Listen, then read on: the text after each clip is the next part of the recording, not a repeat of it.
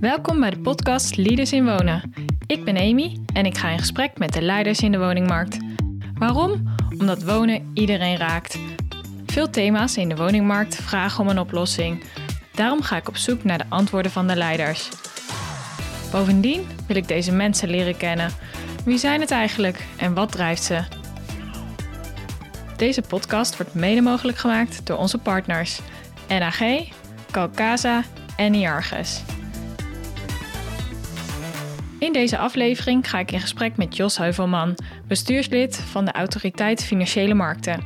Voordat ik in gesprek ga met mijn gast, introduceer ik hem graag. Jos Heuvelman is geboren in Emmen en studeerde econometrie aan de Rijksuniversiteit Groningen en economie aan de Universiteit van Amsterdam en riskmanagement aan de Stern School of Business in New York. Jos heeft 30 jaar bij DNB gewerkt en vervulde daar diverse managementfuncties, onder andere toezicht op grote banken en was hij divisiedirecteur financiële markten. Sinds 2018 is hij bestuurder bij de AFM. Binnen het bestuur van de AFM is Jos verantwoordelijk voor het toezicht op de retailmarkt. Deze omvat lenen, sparen, beleggen, verzekeren en pensioenen. Daarnaast is hij verantwoordelijk voor het AFM-toezicht op asset management, retail en institutioneel. Als nevenfunctie is hij voorzitter van de Kerkenraad Protestantse Gemeente Kamerik. Jos is getrouwd en heeft drie kinderen. Hij is 58 jaar en woont in Kamerik. Jos is gek op voetbal en in zijn vrije tijd fietst hij graag en doet hij een bridge. Welkom, leuk dat je vandaag uh, met Leaders in Wonen hier in uh, Amsterdam op de Vijzelgracht uh, in gesprek wil gaan. Nou, leuk dat ik mee mag doen. Ik um, heb in de introductie al verteld over je ervaring. En mijn eerste vraag is dan ook met drie decennia en ervaring. Kan je me meenemen in wat je gezien hebt in de periode dat je bij de DNB werkte? Nou, allereerst heel veel veranderingen. Ook regelmatig een grote crisis. En als je erin zit, denk je van hoe komt dit nou goed? En het is achteraf eigenlijk altijd weer goed gekomen. En wat me verder is bijgebleven is de enorme um, Europeanisering van het geheel. Toen ik bij DNB kwam in 85, toen deden alles nog zelf. Toen was het de Nederlandse bank en die ging over het Nederlands monetair beleid en de Nederlandse munt, de gulden. En we hadden een eigen rente, de guldensrente. We deden zelf het toezicht op, uh, op de banken. En dat is nu inmiddels allemaal veranderd. Het is allemaal Europees geworden, waarbij uh, Nederlandse bank een onderdeel is van een groter Europees stelsel. Nou, dat zijn een paar hele belangrijke veranderingen. Naast uiteraard allerlei maatschappelijke veranderingen, omgangsvormen, omgaan met uh, hiërarchie. Uh, toen ik kwam was er bijvoorbeeld nog een typkamer bij de Nederlandse bank. En als je als econoom een stukje had geschreven met de hand, dan lever je dat in bij het hoofd van de typkamer. En dan moest je goede maatjes mee zijn, want dan kwam jouw stuk bovenaan de stapel. Inmiddels uh, typt uiteraard elke econoom zijn, uh, zijn, eigen, uh, zijn eigen stukken. En we hadden vroeger rekenaars die moesten dus een, een rekenblad invullen. Die waren een hele dag bezig om van linksboven naar rechts beneden te komen. Tegenwoordig een, Excel-sheet die rekent duizend varianten in, in vijf seconden uit. Dus dat zijn best wel grote verschillen. Je hebt veel ervaring als toezichthouder.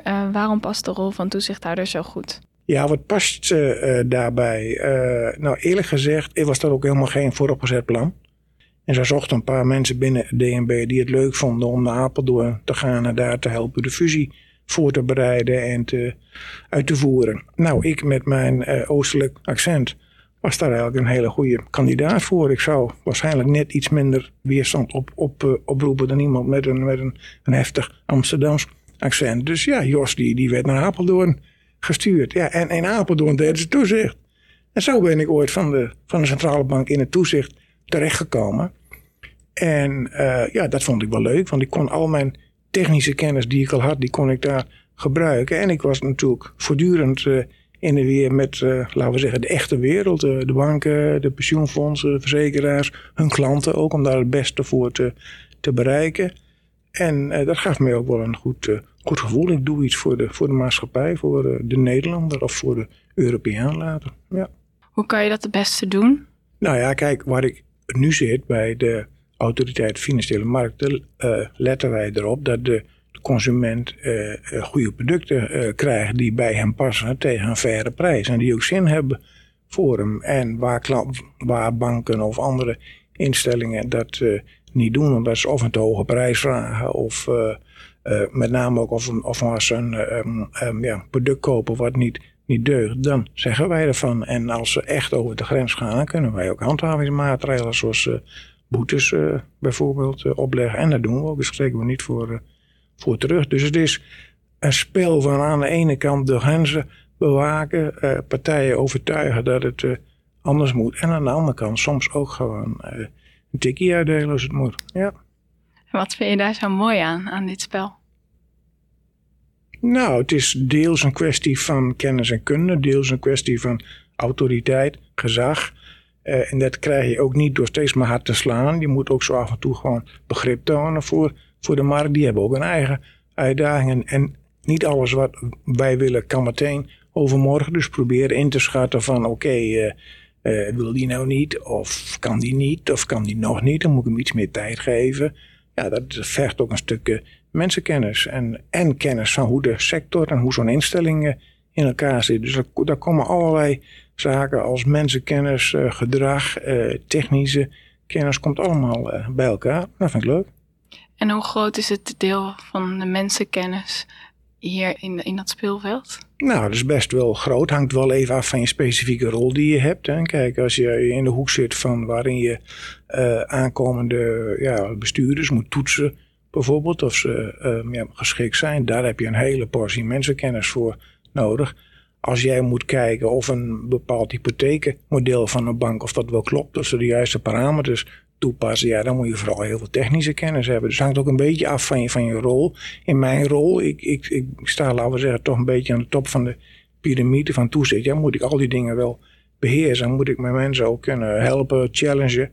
Soms zelfs ook uh, voorop gaan in, de, in het uh, gevecht, zeg ik dan maar even. Dat gebeurt ook wel eens. Uh, als we echt hele moeilijke gesprekken, dan word je ook als bestuurder wel eens ingeschakeld. Dus je moet een beetje van alle markten thuis zijn. Maar je houdt altijd bepaalde dingen die je beter liggen. En andere waarvan je toch ook leunt op je collega's.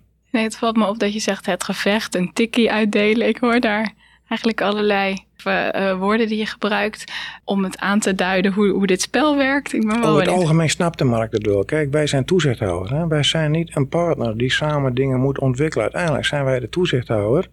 En moeten wij soms iets doen wat anderen niet leuk vinden. Soms een keer stop zeggen. Soms een keer zeggen van ja, je draait maar terug. Dit is niet, uh, niet goed zo. Of uh, ik wil dat je veel naar links gaat in plaats van in het, uh, in het midden. En dat, dat doet soms een beetje zeer aan, aan de persoon die je tegenover je hebt. Maar soms ook aan, aan het bedrijf. Want die dacht een mooi, mooi bedrijfsmodel ja, te hebben waar ze geld mee konden verdienen. En dan komt zo'n toezichthouder die zegt ja dit lijkt me toch niet helemaal uh, verstandig of niet helemaal fair. Ik wil dat je het anders doet. Nou, dan staan ze niet altijd te juichen en dat begrijp ik. Aan de andere kant, ik vind wel heel belangrijk zeg maar, dat wij ook redelijk zijn. En ook laten zien dat we weten waar we het over hebben. En als iets niet in een week kan, maar wel in twee weken, daar wil ik twee weken de tijd geven. Dus die redelijkheid wil ik ook uitstralen. Dus uh, men zegt wel eens streng en uh, rechtvaardig. Nou, dat spreekt mij wel aan voor een toezichthouder. Ja. Streng, rechtvaardig en deskundig. Uiteindelijk heb je de overstap gemaakt van de DNB naar de AFM. Wat is uh, de belangrijkste reden geweest om uiteindelijk die overstap te maken? Nou, daar ben ik heel eerlijk in. Ik kreeg bij de AFM een functie aangeboden die ik bij DNB tot dat uh, moment niet aangeboden had gekregen. En die, dus die van bestuurder. En uh, ik wou nog wel een keer een stukje eindverantwoordelijkheid dragen. En die mogelijkheid werd me hier geboden bij de AFM. En toen dacht ik, nou, alle kennis en ervaring die ik bij DNB heb opgedaan, die kan ik ook heel goed inzetten bij de AFM. Ook al heeft het werkterrein lijkt er veel op, maar het is soms ook net weer iets anders. En ik, uh, ik kan dat stukje eindverantwoordelijkheid ook eens voelen en daar uh, ook weer proberen het beste van te maken. En hoe was dat, de overstap? De overstap was eigenlijk uh, heel gemakkelijk. Ik kan het dramatiseren, maar het is maar 750 meter volgens mij van kantoor. Van, van, dus bij mij thuis hebben ze helemaal niks van gemerkt. Want ik reis nog steeds elke ochtend naar Amsterdam en ik kom s'avonds weer terug. De auto ging ongeveer langs dezelfde weg. De laatste, laatste kilometer was, uh, was anders. Uh, nee, maar zonder gekheid. Kijk, uh, DNB is 200 jaar oud en de AFM nu dan 20 jaar, of bijna 20 jaar. En alle, alle, alles wat daarbij komt kijken, de plussen en de minnen van beide, die, die zie je zie je terug. En dan ga je mij vragen, wat zijn dan die plussen en die minnen? Dus laat ik dat zelf maar vertellen. Kijk, DNB heeft een enorme reputatie, is heel degelijk, heel deskundig ehm, in, in Nederland, maar ook in Europa en, en, en wereldwijd. Maar heeft daarmee ook veel te verliezen en is soms misschien net iets behoudender dan een AFM. Die is jong en die, die, die moet ook zijn, zijn positie bevechten en moet daar soms voor op de trommel slaan. En daar hebben ze in het verleden ook, ook voor mijn komst door, hebben ze dat flink, flink gedaan. En ja, dus je, je, het is meer een, ja, ik kan ook niet meer spreken van jonge honden. Want wij zijn ook 20 jaar inmiddels. Hè? Dus we zijn geen jonge hond. We zijn nu een, uh, jong volwassene. En dat proberen we ook uit te stralen. Zo proberen we ook te opereren. Maar het is nog steeds een verschil 20 of 200. Daar zit nog wel een uh, verschil tussen. En het is een groot verschil dat bij het DNB is het toch is eh, de Europeanisering verder voortgeschreden dan hier bij de AFM. Hè? De, de gulden is uh, ingeruild voor de euro. Het bankentoezicht vindt Europees plaats. Terwijl AFM over het algemeen zijn, zijn dingen hier nog uh, zelf doet. Soms wel in samenwerking met en in afstemming met. Maar uiteindelijk nemen ze zelf alle beslissingen hier. En als we inzoomen echt op uh, wonen als thema en uh, de hypotheekmarkt. Zou je me daarin mee kunnen nemen wat de belangrijkste thema's zijn waar jullie op richten? Ja, we hebben, we hebben één heel belangrijk thema. En dat is zeg maar, kijk, wij willen niet dat mensen zoveel geld lenen dat ze het niet meer kunnen terugbetalen dat ze daarvoor in de problemen komen. En dat noemen we overkreditering. En dat willen we voorkomen. En daar zijn in Nederland allerlei normen voor. Hè? Dus je kunt nou, iemand met zo'n zo'n inkomenspositie die zo'n zo'n huis wil kopen, nou, die mag maximaal zoveel, uh, zoveel lenen. En daar zien wij op toe zeg maar, dat het ook wordt toegepast door de financiële instellingen. En wij praten ook mee als er sprake is van beleids wijzigingen. En dus nu natuurlijk, nou, dat zal niemand zijn ontgaan, enorme drukte op de woningmarkt, de huizenprijzen stijgen enorm, er is weinig aanbod. Dus uh, je hebt zelf als het ware steeds meer geld nodig om mee te kunnen doen op die, op die woningmarkt. En dan zeggen wij van jongens, pas op, steeds meer lenen is niet het antwoord. Daar komt er geen huis extra mee op de markt. Uh, je hebt misschien de huidige koper, die kan dan net wat kopen, maar je maakt het voor de volgende weer duurder. En in feite vindt er zo een hele grote vermogenstransfer plaats van starters naar mensen die al een woning hebben. Mensen zoals ik bijvoorbeeld. Hè. Die varen hier wel bij. Want uh, mijn woning stijgt maar in, in waarde en blijft maar stijgen. En terwijl die, uh, die beginners, mijn kinderen bijvoorbeeld, ja, die moeten zich diep in de schulden steken. En ja, dat vinden wij toch wel een ontwikkeling waar wij eh, met argusogen naar kijken. En wij zeggen dus ook van nou, de leennormen moeten zeker niet ruimer worden. Vergeleken met de rest van Europa zijn ze hier al aan de hele ruime kant. Er is bijna geen land met zo'n hoge hypotheekschuld als Nederland. Dus het, het, ligt niet aan de leennormen. Eh, de krapte op de markt heeft andere oorzaken. Hè? Dus nou ja, er zal vast al wel langsgekomen zijn. Uh, er is te weinig gebouwd in het verleden. Er zijn demografische ontwikkelingen, waardoor steeds minder mensen in een huis wonen, om allerlei redenen. Maar feit is dat het gebeurt. Dus dat zijn twee hele belangrijke factoren die ertoe leiden dat het huidige aanbod op de markt, zowel qua omvang, maar ook, als, ook qua samenstelling, niet past bij de vraag op die markt. En dat leidt tot, uh, tot de huidige onevenwichtigheden. En onder inzien los je dat niet op door mensen met steeds meer schuld op de zadelen, want vroeg of laat gaan ze daar last van krijgen. Je noemde al de starters. Um, kun je iets meer op die groep ingaan? Nou ja, dat is in feite een hele kwetsbare groep. Hè. Die heeft vaak nog geen vermogen opgebouwd.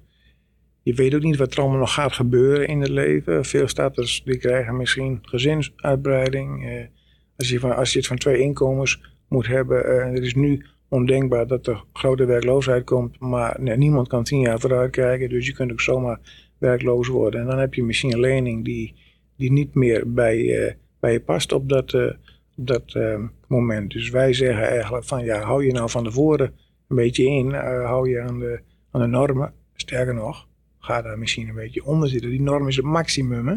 Niemand zegt dat je op het maximum moet gaan, gaan zitten. Ik zou zeggen, blijf daar nog een eindje bij vandaan. Zorg ook dat je ook toch ook wat eigen vermogen hebt. Of wat, wat spaargeld, waar je toch ook voor een, voor een buffertje kan gaan zorgen. Dat lijkt me heel belangrijk voor die, die groep om in, in ogenschouw te, te houden.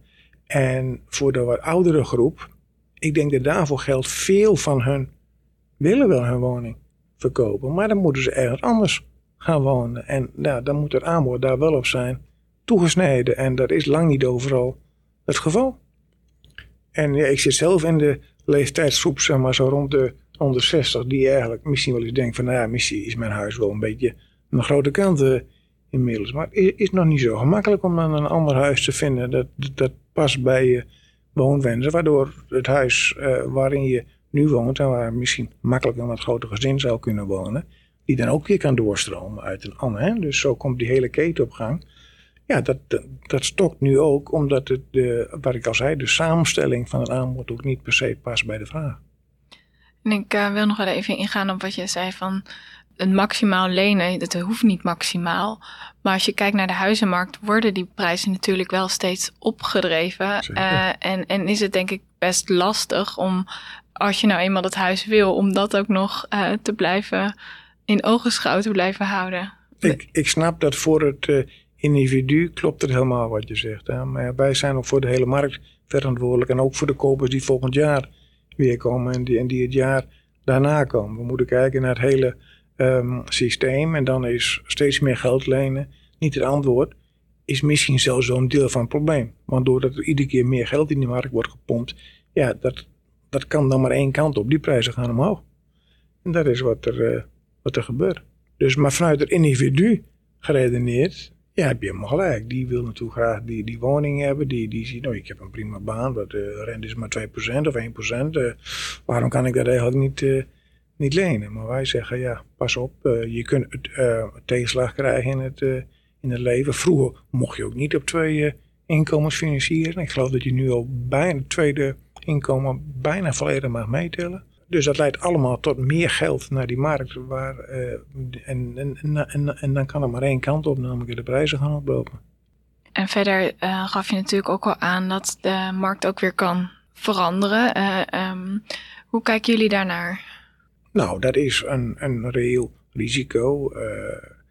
het is wel zo, we hebben geen glazen bol. Dus dat soort dingen kun je nooit voorspellen. Maar soms heb je wel het gevoel van, hm, gaat nu wel erg hard. Dus wij rekenen allerlei uh, scenario's door, waaronder ook gewoon uh, prijsdalingen. En wat doet dat dan met de vermogenspositie van mensen? Hè? Als je je tot de max hebt geleend en de prijs daalt, ja, dan zit je huis onder water. Nog niet eens zo heel lang geleden, acht, negen jaar geleden, kwam er op grote schaal voor. Zijn heel veel mensen al vergeten. En dat kan even goed wel weer gebeuren als de prijzen gaan... Uh, gaan dalen. En dat, dat leidt weer tot een andere dynamiek in je economie. Dan kun je minder makkelijk verhuizen, want hè, je, je, je, schuld is groter dan je, dan je woning. Dus er heeft ook weer allerlei andere uh, doorwerkingen in de economie. En is over het algemeen niet goed voor de economie en daarmee ook weer niet voor de mensen.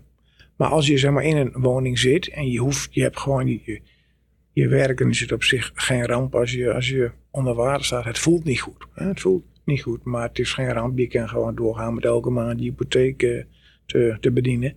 En, eh, en je leeft gewoon door. Maar je bent wel kwetsbaarder.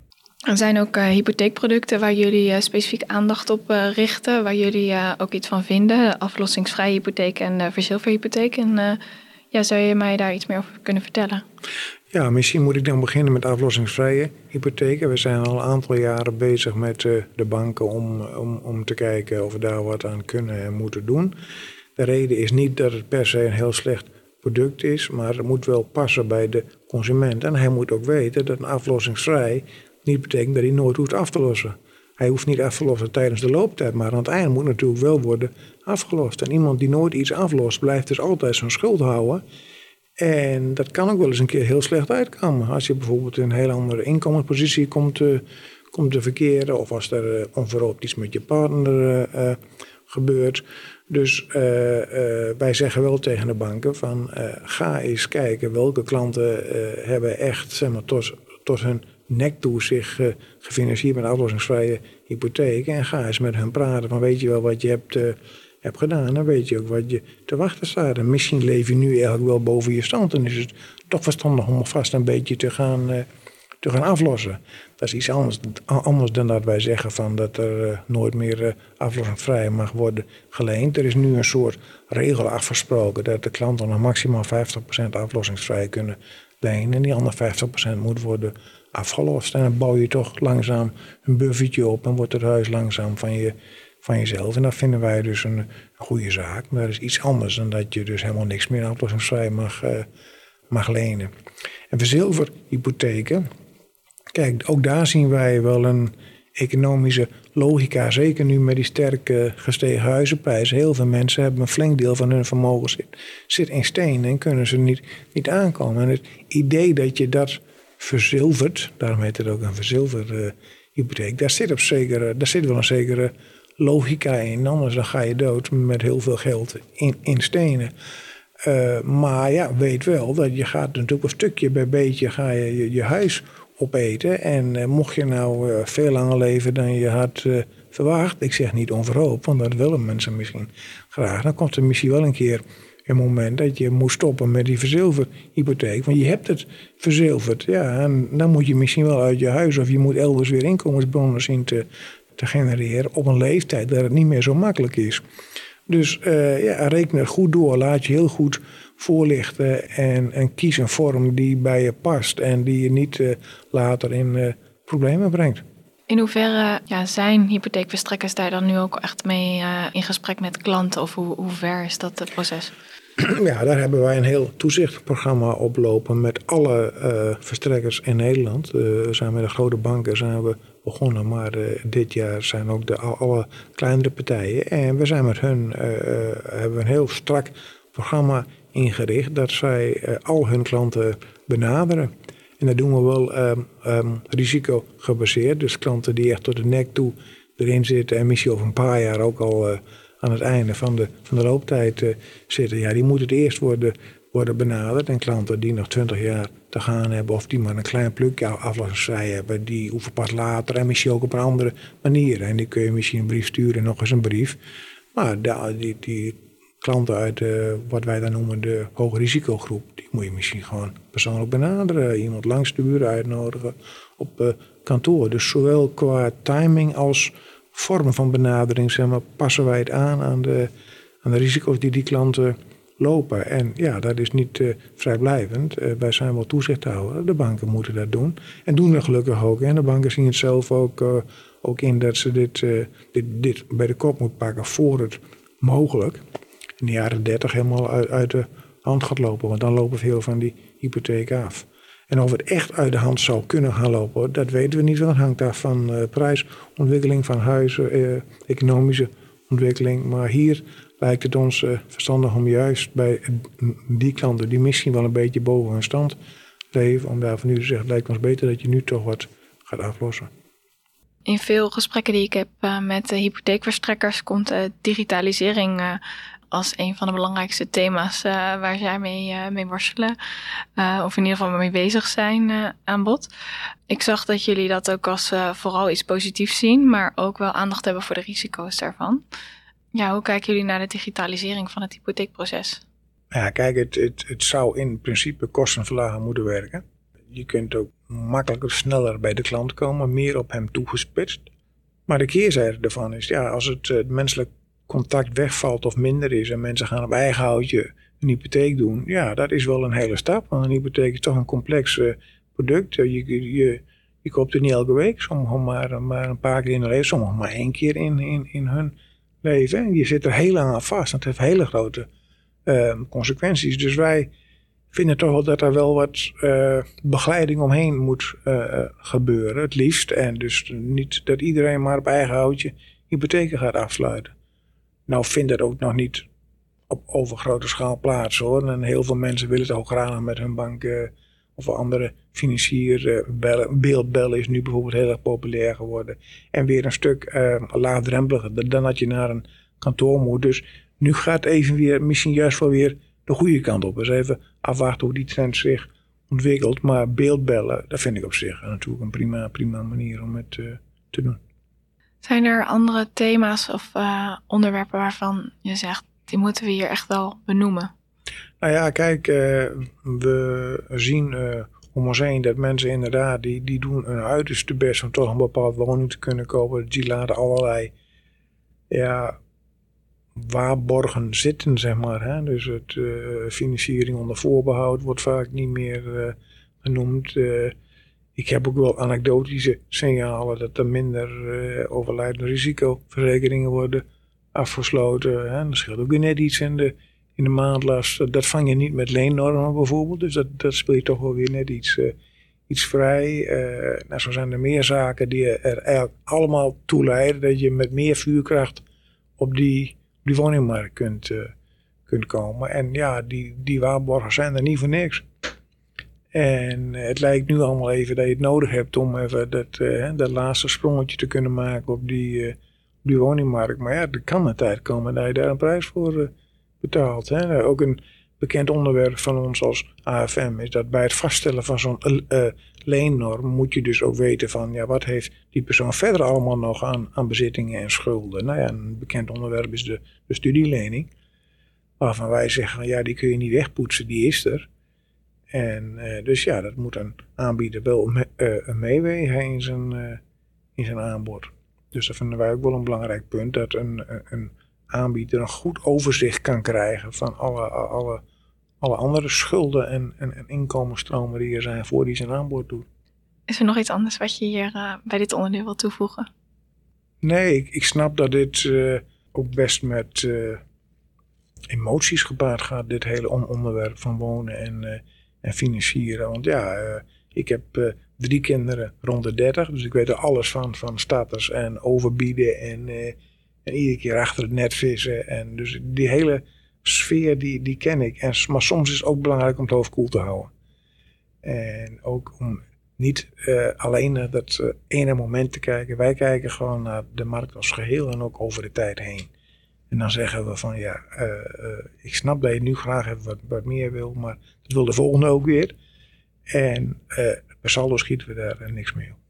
Um, ik zou nog willen vragen, in wat voor soort omgeving ben je zelf opgegroeid? Nou, ik kom uit, uit Drenthe.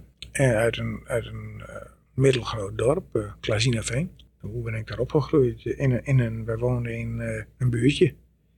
En ik was soms best wel een beetje een buitenbeentje. Want ik ging naar een andere school eigenlijk dan bijna alle andere buurtkinderen. Die gingen naar de openbare school en ik ging naar christelijke school. En ik deed het ook aardig op school. Dus ik ja, was toch net even iets anders dan de meeste andere buurtkinderen. Had niet per se een klik mee. Dat werd anders, zeg maar, toen je ietsje ouder werd. En dan gaan ook dingen als uh, ja, fysiek en sport worden dan in één keer belangrijk. En ik was stapelgek op voetballen. En dat waren toevallig de buurtjongens ook allemaal.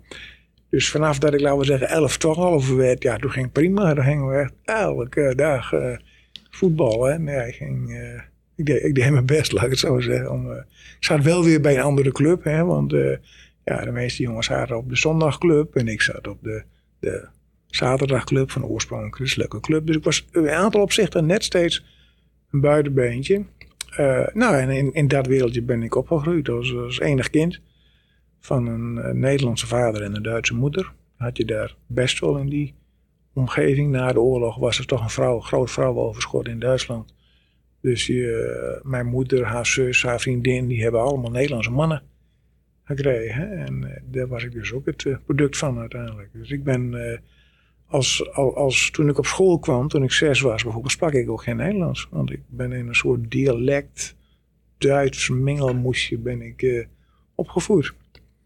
En toen ik op school kwam, ja, dat duurde even voordat ik me het, het echte Nederlands eigen had gemaakt. En ik kan me nog één keer iets herinneren. Omdat ik dus verder kon ik natuurlijk wel aardig leren. Dus die juffer die dacht dan, ja, jochie is goed bij de tijd. Maar hij zegt soms zulke rare dingen. Ja, ons voor de gek. En dus ik moest een keer nablijven, weet ik nog, omdat ik een bepaald woord niet wist. Ze konden ze niet voorstellen dat ik niet wist wat het was.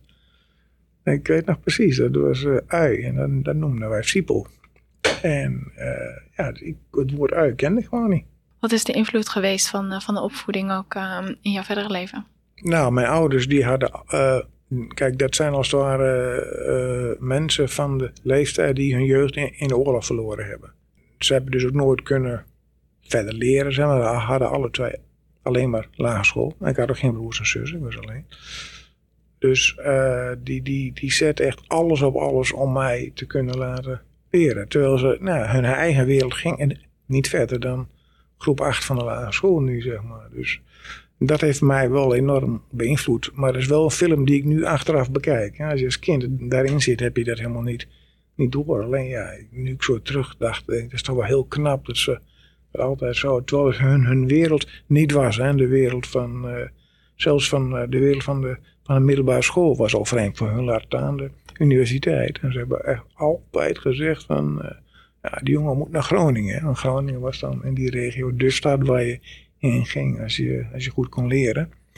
Dus dat vind ik wel knap, nu ik zo, zo erop uh, terugkijk. toen vond ik dat, ja, stond ik er niet bij stil, vond ik heel normaal.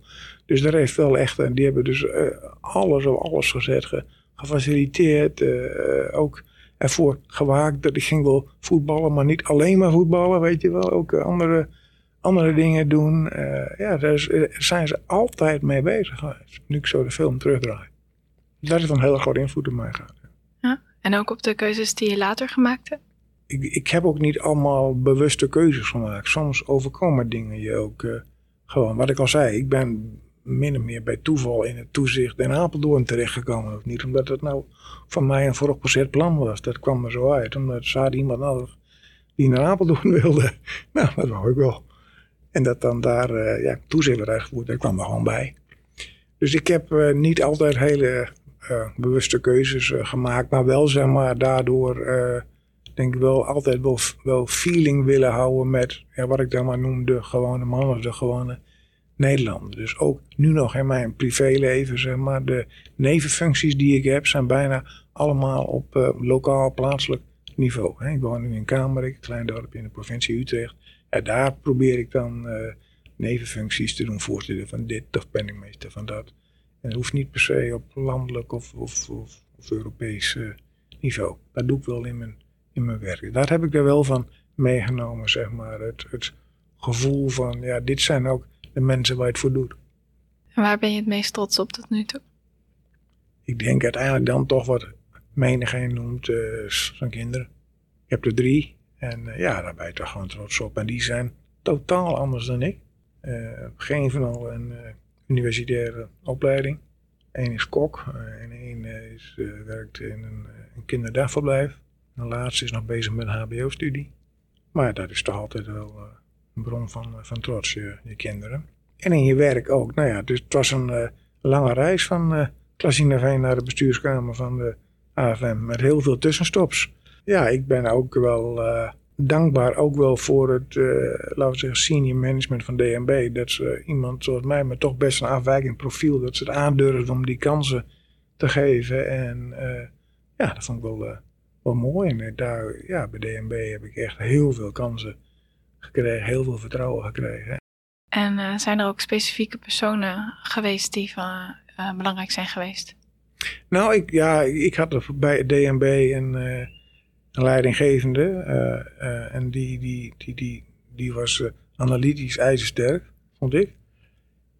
En die koos ervoor om in een, in toch in een praktische operationele hoek te gaan werken. En daarvan leerde ik van ja, je hoeft niet alleen maar wetenschappelijke papers te schrijven om, om, goede dingen te doen en zo. Want ik, ik kwam natuurlijk van de um, universiteit. Hè? Dus toen ik bij DNB begon, zat ik op de research afdeling. Maar toen, daar zat een, een, een analytisch hele knappe man. En die, maar die had ook goed verbinding met de realiteit. Met de echte banken. Hoe gaat het nou in zo'n bank? Dat wist hij allemaal. En toen dacht ik van ja, dat, dat vind ik ook mooi. Dat raakvlak tussen, hè, wil je theorie beheersen, analyse zelf kunnen uitvoeren, maar ook gewoon met mensen van vlees en bloed uh, uh, praten. Ik heb ook uh, twee studies gedaan. Ik ben in Groningen begonnen met econometrie. En na drie jaar wist ik al van, ja, dit is mij te technisch, daar wil ik uiteindelijk niet in werken. Maar ik wilde wel dat briefje halen, want in de jaren tachtig was de grote werkloosheid. En ik was wel um, zo voorzichtig dat ik wilde wel een, een, goudgarant uh, diploma hebben. En dat had je met uh, econometrie. Dat was toen nog heel, uh, heel zeldzaam. Dus dat heb ik afgemaakt en Tegelijkertijd ben ik toen al begonnen met economie. Gewoon een normale economie. En dat heb ik hier later in Amsterdam, toen ik werkte bij DNB, in de avonturen in Amsterdam nog afgemaakt. En dat gaat veel meer over mensen, hoe die met elkaar omgaan, gedrag van mensen tussen landen, hoe, hoe landen met elkaar kunnen verkeren in een uh, economische samenwerking. En dat, uh, dat vond ik heel leuk. En zijn er andere mensen of boeken die je in het bijzonder geïnspireerd hebben? Ik lees heel veel. Dat vind ik het leuk ook van de AFM. Wij wisselen heel veel boekentips uit. Ook in het, eh, in het bestuur, mijn, eh, mijn mede, medebestuurders, wij, wij, geven elkaar tips. Soms geven we elkaar gewoon een boek. Zo direct pas gelezen, dat jij dat maar eens. Dus er zijn eigenlijk heel veel boeken die mij inspireren. De, de laatste paar die ik gelezen heb, dat was die van Obama, Promised Land. ik heb een boek gelezen over revolutie, heet het. Dat ging over Indonesië en de, de, opstand met name ook na de, na de na de Tweede Wereldoorlog, die dit daar heeft afgespeeld. En uh, vond ik ook een heel uh, leerzaam boek. Daar heb ik op school nooit heel veel over geleerd, als ik heel eerlijk ben. En nu, nu, nu heb ik daar veel meer interesse in over wat er allemaal in Indië is, uh, is gebeurd. En probeer ook te begrijpen. Want het is natuurlijk heel gemakkelijk om te zeggen van ja, dat hebben we sommige dingen niet goed gedaan. Ik denk ook dat zo is. Maar ja, goed, dus, je moet ook wel goed snappen hoe het allemaal, hoe het allemaal met elkaar samenhing en wie op wie reageerde. De tijdgeest was toen, uh, was toen anders. Dus dat vind ik uh, interessant. Dus ik, ik lees meestal boeken die zich afspelen in een bepaalde tijd. Soms meer uh, documentair-achtig en soms ook gewoon een roman, waardoor, waardoor ik dus ook nog een verhaallijn heb die ik kan, kan volgen. Maar ik, ik leer ook meteen iets over de omgeving. Ik heb ook veel boeken gelezen over, over Spanje en over de, de Spaanse optreden in, in Mexico bijvoorbeeld uh, veel gelezen over uh, Amerika. En uh, ja, nee, ik, ik, lees eigenlijk heel, heel veel en ik haal uit heel veel boeken haal ik inspiratie. En zou je nog iets willen delen met de luisteraar van je zegt, nou dit heb ik toch wel meegenomen de afgelopen jaren, um, ja, waarvan ik zeg, nou dat zou ik, zou ik aan iedereen mee willen geven? Nou, wat ik zelf in elk geval belangrijk vind in het leven is, uh, is balans. En uh, we hebben nog wel eens uh, de neiging om van het ene uiterste in het andere uiterste te schieten. Of we laten ons heel erg leiden door emoties, waardoor we soms niet meer ja, zuiver kunnen redeneren en zuiver kijken. En dat leidt ook niet altijd tot een goede besluitvorming. Dus zelf probeer ik dan altijd, als ik zoiets zie gebeuren, leun ik de andere kant op. Sterker nog, bijna bij elk voorstel in het bestuur leun ik in eerste instantie de andere kant op. Dat is een soort uh, devil's advocate, zeg maar.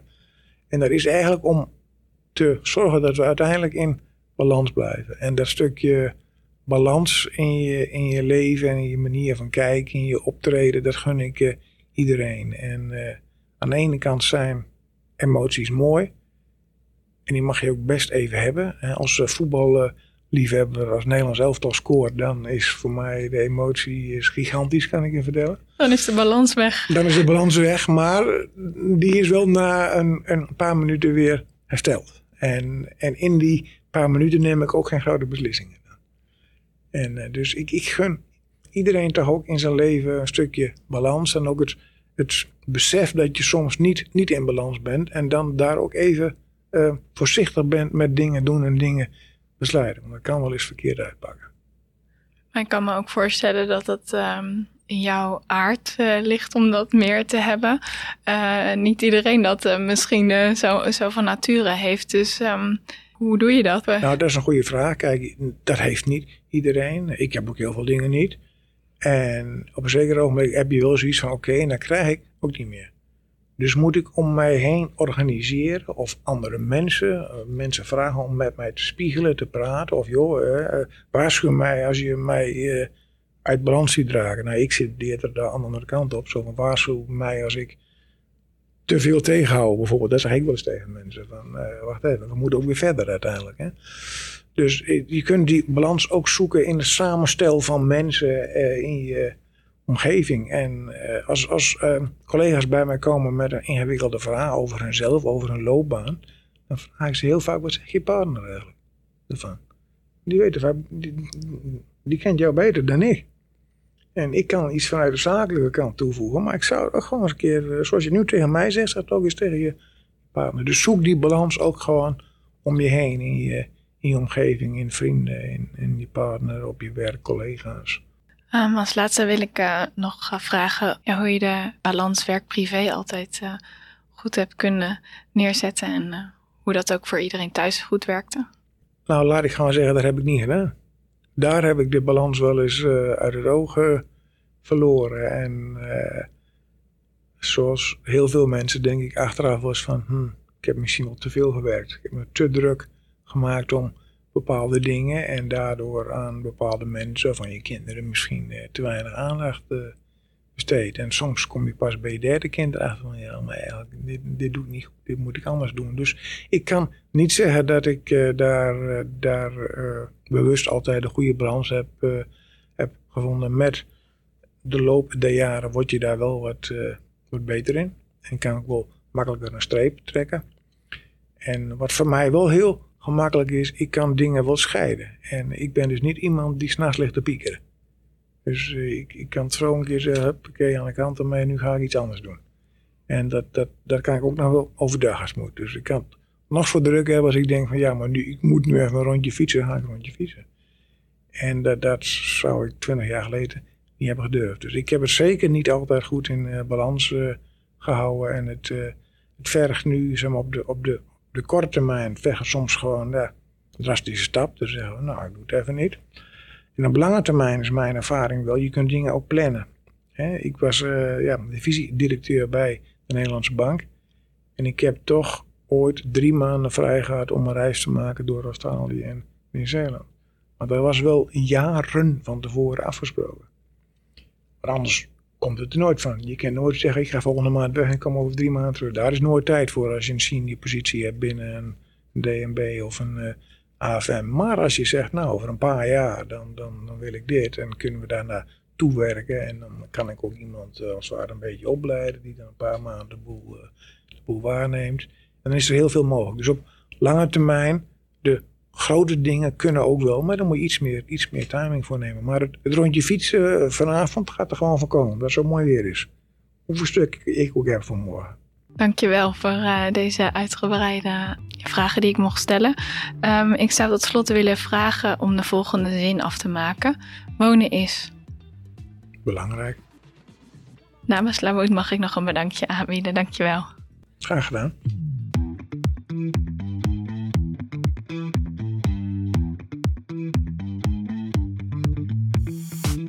Leuk dat je luisterde naar de podcast Leaders in Wonen. Voordat we afsluiten wil ik graag de partners van deze podcast bedanken. NAG, Calcasa en Hiargus. Vergeet je niet te abonneren bij Spotify of Apple. Tot de volgende podcast.